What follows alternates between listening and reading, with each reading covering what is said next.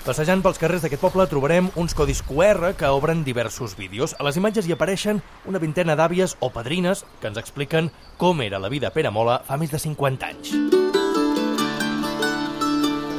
Les àvies recorden els comerços desapareguts, la matança del porc o els balls de festa major. La Ramona Orrit explica que s'havia de notar tots els nois que li demanaven per sortir a ballar. Quan anàvem, diguéssim, al ball, doncs, clar, que per les noies diuen, pues mira, vaig, aquell que, que mos agrada més, o aquell que deia, tu ara vagis amb aquest, tu ara vagis amb aquell altre, i mos anàvem trampejant així, si també Nena, mos feia... però tu no sí. fes com jo, que al nostre temps portàvem un bloc i mos apuntàvem tots els balls que teníem per encomanats. Si no teniu memòria. Si no, no recordàvem.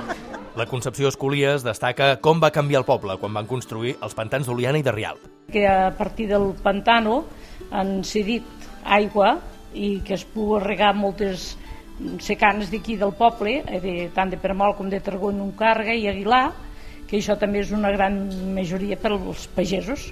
El projecte Padrina Parla'm de tu vol difondre aquesta memòria popular entre les noves generacions i entre els visitants de Peramola. Gemma Urrit n'és l'alcaldessa. Estem intentant doncs, visibilitzar eh, el paper de la dona més enllà de les tasques de la llar.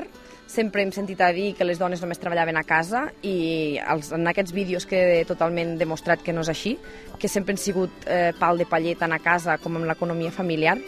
El projecte ha costat uns 5.000 euros i l'ha subvencionat l'àrea d'igualtat de la Diputació de Lleida.